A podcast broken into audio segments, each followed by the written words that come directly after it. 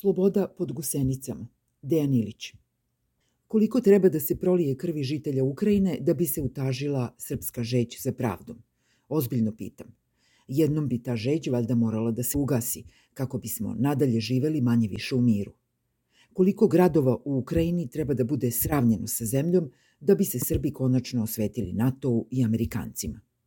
Koliko duboko ruski tenkovi treba da uđu u Ukrajinu kako bi Ukrajina, a i Srbija s njom, povratila svoj suverenitet. Jer tako nam se kaže, 2014. Ukrajina izgubila suverenitet, uzeli su joj ga notorni Amerikanci, pa joj ga sada Rusija vraća na tenkovima. Kako Ukrajini, tako i Srbiji. Zaista kako? Koliko demonstranata u Rusiji treba da utamniči Putinov režim da bi se Srbi osjećali slobodno? Za sada smo na 7000. Malo, mnogo koliko televizijskih tornjeva treba da se sruši u Ukrajini i koliko nezavisnih medija da se zatvori u Rusiji da bi Srbi bili zadovoljni stanjem demokratije i slobodom medija u svetu. Dačić kaže dosta smo mi ginuli za druge. Baš tako, dosta smo mi ginuli za druge. Ne kaže dosta smo mi ubijali druge, nego baš ginuli smo. I pošto je to tako, kaže Dačić, nema razloga da osudimo Rusiju za napad na Ukrajinu, iz čega se da zaključiti da Dačić vidi moguću osudu Rusije kao svojevrsno srpsko samoubistvo. Što znači da osuditi Rusiju nije stvar slobodne volje, nego vaganja pretnje pod kojom Rusija drži Srbiju. Ako je verovati Dačiću, pretnja je smrtonosna. Pod takvom pretnjom nema ni traga od suverenosti. Ali Dačić veruje pod Rusijom biće suverene i Ukrajina i Srbija. Nije jedini. Navodni opozicionar Radulović ovako.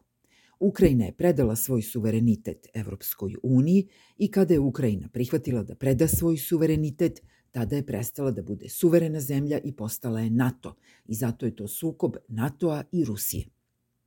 Gde, kada i kako je Ukrajina prodala svoj suverenitet bilo kome, Radulović ne kaže.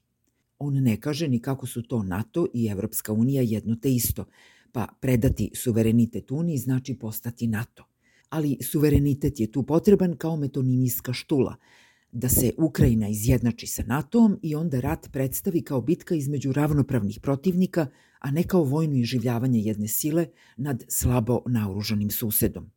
Za još jednog tobožnjeg opozicionara, za Obradovića, dakle, sve to ima smisla jer NATO izaziva ratne sukobe u svetu. Na istoku Evrope ratuje Rusija protiv Ukrajine, Rusija je napala Ukrajinu. Pronađi NATO u prethodne dve rečenice. Nema ga.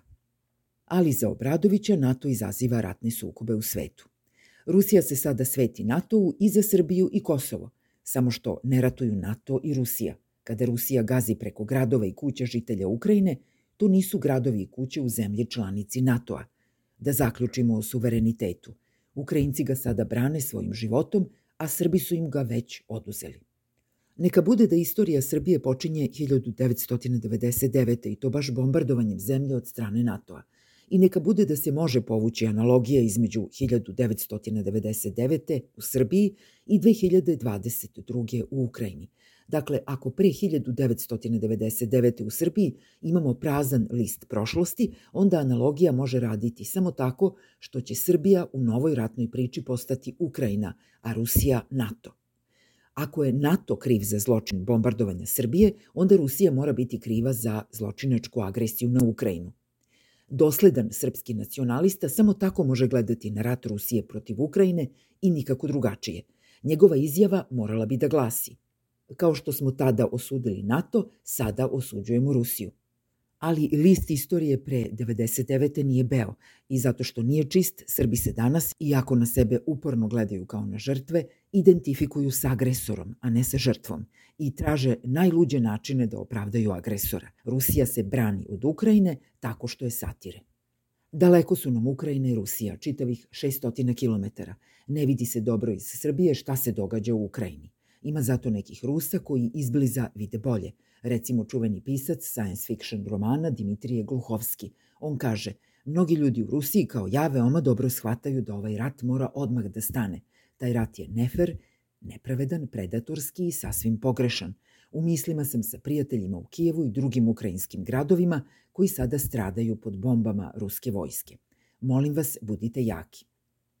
Gluhovski je 2015. godine završio svoju trilogiju Metro – U tri romana Gluhovski je izgradio svet pod zemljom u tunelima moskovskog metroa. Verujem da je čitalac video kako izgledaju danas stanice metroa u Kijevu. To je grad ispod grada. Ljudi su podigli šatore i navikavaju se na život pod zemljom. Reklo bi se kao u romanima Gluhovskog, gde su ljudi takođe pobegli u podzemlje, sklanjajući se od nuklearnih bombi. Ali nije Gluhovski bio prorok, niti u svojim romanima imao nameru da oslika današnju mračnu stvarnost svojih suseda u Ukrajini. Trilogija se na kraju ispostavila kao svojevrsna hiperbola o Rusiji i Rusima, koji pod Putinom žive kao pod zemljom, izolovani, neobavešteni, uplašeni, ostavljeni na milost i nemilost gospodaru i moćnicima oko njega. Za samo nekoliko godina hiperbola se preobrazila u realni prikaz današnje Rusije, izolovane, neobaveštene, prepuštene volji gospodara. To je još jedna poruka za srpskog nacionalistu. Sve iako bi da se identifikuje s Rusijom, za što nema ni jedan dobar razlog, onda opet u fokusu te identifikacije ne bi smeo biti Putin, nego takozvani ruski narod pod Putinom. Ali nije na pameti srpskom nacionalisti narod, ni srpski, ni ruski, a ukrajinski pogotovo. Njemu se sviđa razobručena moć, razorna volja nesputana moralnim obzirima.